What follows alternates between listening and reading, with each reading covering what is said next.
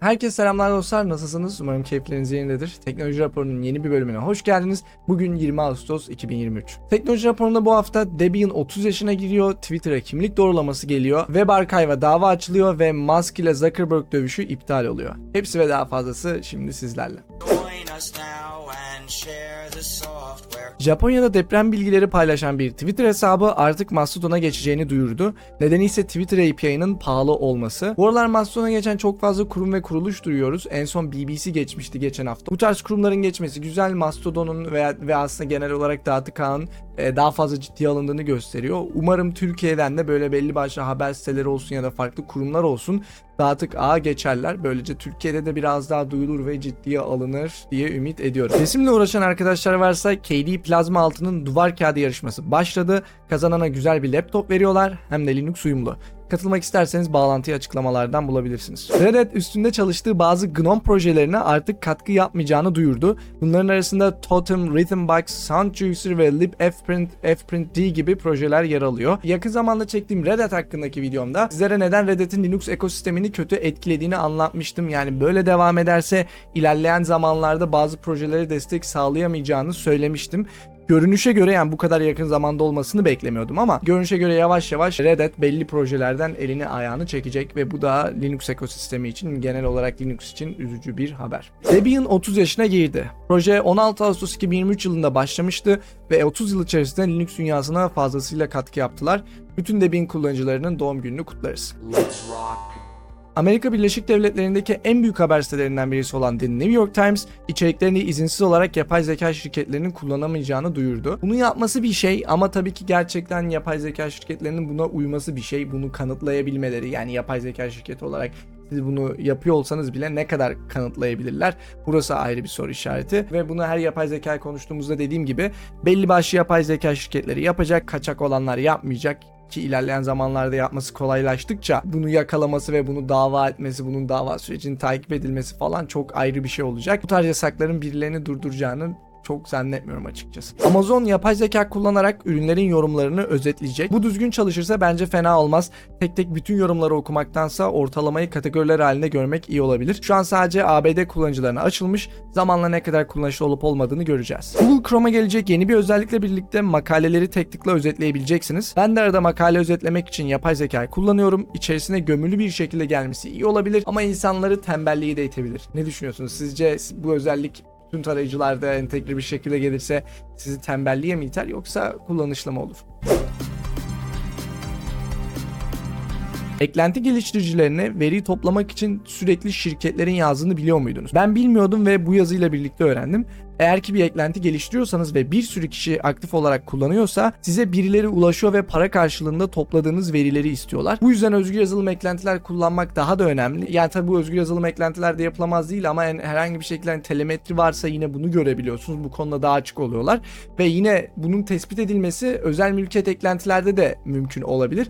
Ama özgür yazılımlara göre hani biraz daha zor. Birilerinin gerçekten açıp network isteklerine bakıyor olması gerekli. Bu yüzden eklenti tercih ediyorken özgür yazılım eklenti tercih etmenizi tavsiye ediyorum. Görünüşe göre Twitter platformu kullanmaya devam edebilmek için sizden kimliğinizi doğrulamanızı isteyecek. Şu an kontrol ettim. Benden öyle bir şey henüz istemedi ama isterse direkt hesabımı kapatırım. Yani bunu normalleştirirsek bir de sosyal medya hesaplarında kimlik doğrulamasını normalleştirirsek diğer bütün platformlar net ister bunu. Twitter neden bunu yapıyor bilmiyorum. Yani neden özellikle kimlik doğrulaması üzerine çalışıyor bilmiyorum. Belki spamlardan dolayı olabilir.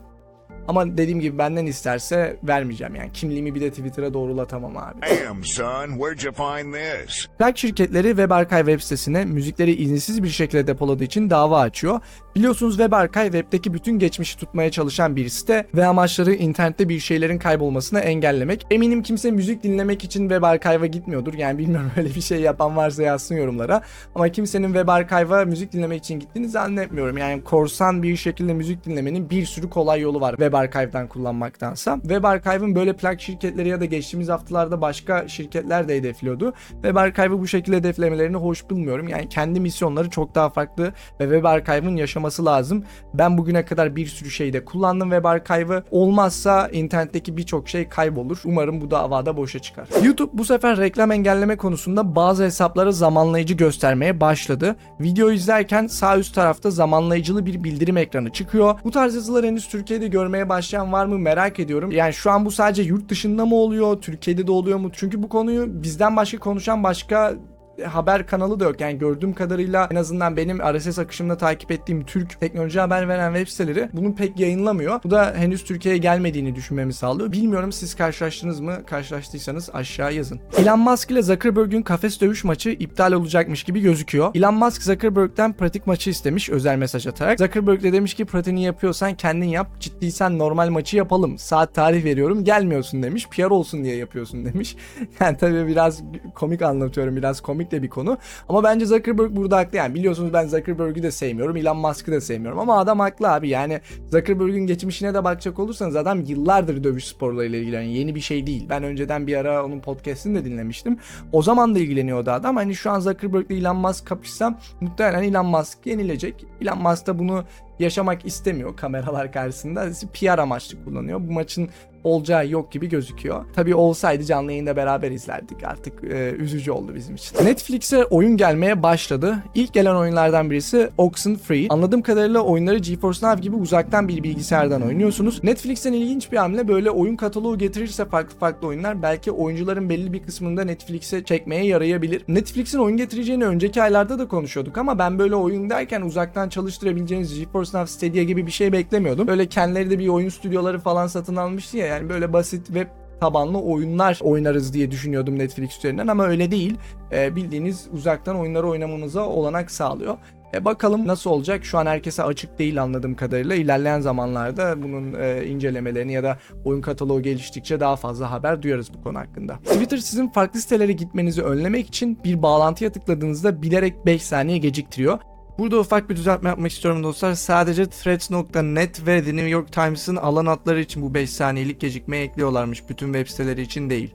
5 saniye az gibi geliyor olabilir bazılarınıza ama birçok insan 1-2 saniye beklemeyi bile göze alamıyor günümüz dünyasında. Twitter'ın bunu yapması çok kötü ve net rekabete aykırı bir şey. Yani özellikle ben Twitter'da bir bağlantıya tıkladığımda beni 5 saniye bekletmeye hakkı yok. Umarım bu konu hakkında geri adım atarlar. Apple yazılımsal olarak batarya ömrünü kıstığı için kullanıcılara tazminat ödeyecek. Kişi başı 65 dolar ödenecek. 2020 yılında bu konuda başvuranlardan birisiyseniz takip etmekte fayda var. YouTube OCR teknolojisini kullanarak da videonuzun kuralları çiğnediğini tespit edebiliyor. Verilen örnekte normalde ülke seçimleriyle hiçbir ilgisi olmayan bir videonun bir karesinde Donald Trump yazıyor ve bunun sonucunda video reklama kapatılıyor. Yani normalde videonun hiçbir şekilde ülke seçimleriyle alakası yok. Ee, ama sadece bir karede Donald Trump yazmasından dolayı YouTube diyor ki bu seçimlerle alakalı bu videoyu yayınlayamazsın. Yani YouTube sizin videonuzda artık sadece sese ve transcription'a bakmıyor. Aynı zamanda karelere de hangi karede ne yazıyor buna da bakıyor. Ve bu da YouTube'a içerik üretenlerin artık biraz daha dikkatli olması gerektiği konusunda bir işaret. Bu benim için geçerli birçok insan için de geçerli ama bu OCR teknolojisi var olsa bile yine bunu YouTube'un da birazcık düzgün yapması lazım. Yani sırf ne bileyim bir karede bir şey yazıyor diye o anlama gelmek zorunda değil. Umarım YouTube bu konuda çok agresif davranmaz. Bu haftaki teknoloji raporunun sonuna geldik. Her zaman olduğu gibi haberler ve benim yorumlarım hakkındaki düşüncelerinizi aşağıda bekliyor olacağım. Aynı zamanda teknoloji raporunu podcast olarak da bulabilirsiniz. Sevdiğiniz podcast uygulamalarında teknoloji raporu diye aratabilirsiniz veya e, açıklamalar kısmında podcast bağlantısına tıklayabilirsiniz. Evet dostlar teknoloji raporunun bu bölümü hoşunuza gittiyse videoyu beğenip arkadaşlarınızla paylaşmayı unutmayın. Özellikle teknolojiyle ilgilenen arkadaşlarınız varsa videoyu ve kanalı paylaşırsanız çok sevinirim. Yeni gelen içeriklerden de haberdar olmak için kanala abone olup çana basabilirsiniz. Ve videoyu bitirmeden yanında gördüğünüz katıl üyelerime de destekler için teşekkür etmek istiyorum. Prototürk, Gökhan Bey, Sinan Sarıkaya, Suze Linux Enterprise Server, Alpa, Potemkin, Cin, Furkan Karataş, Murat Çabuk, Taner Gergül, Egen Kılıç Arslan, Emre Reyhan, Subsehra Nada, Baran Şenkıl, Malik Kalaylı, Muhammed İkbal, Ümit Taylan, Uğur Şahin, Eren Yanıç, Kenan Gülüzade ve yanında gördüğünüz yer bütün isimlere destekler için teşekkür ediyorum. Aynı zamanda YouTube platformu dışında destek olan maddi destekçilerimize de teşekkür ediyorum. Siz de yaptığımı seviyorsanız ve kanala maddi destekte bulunmak istiyorsanız yusufbek.mi çizgi destek adresine gidebilirsiniz. Teknoloji raporunun bir sonraki bölümünde görüşmek üzere. Kendinize iyi bakın. Hoşçakalın.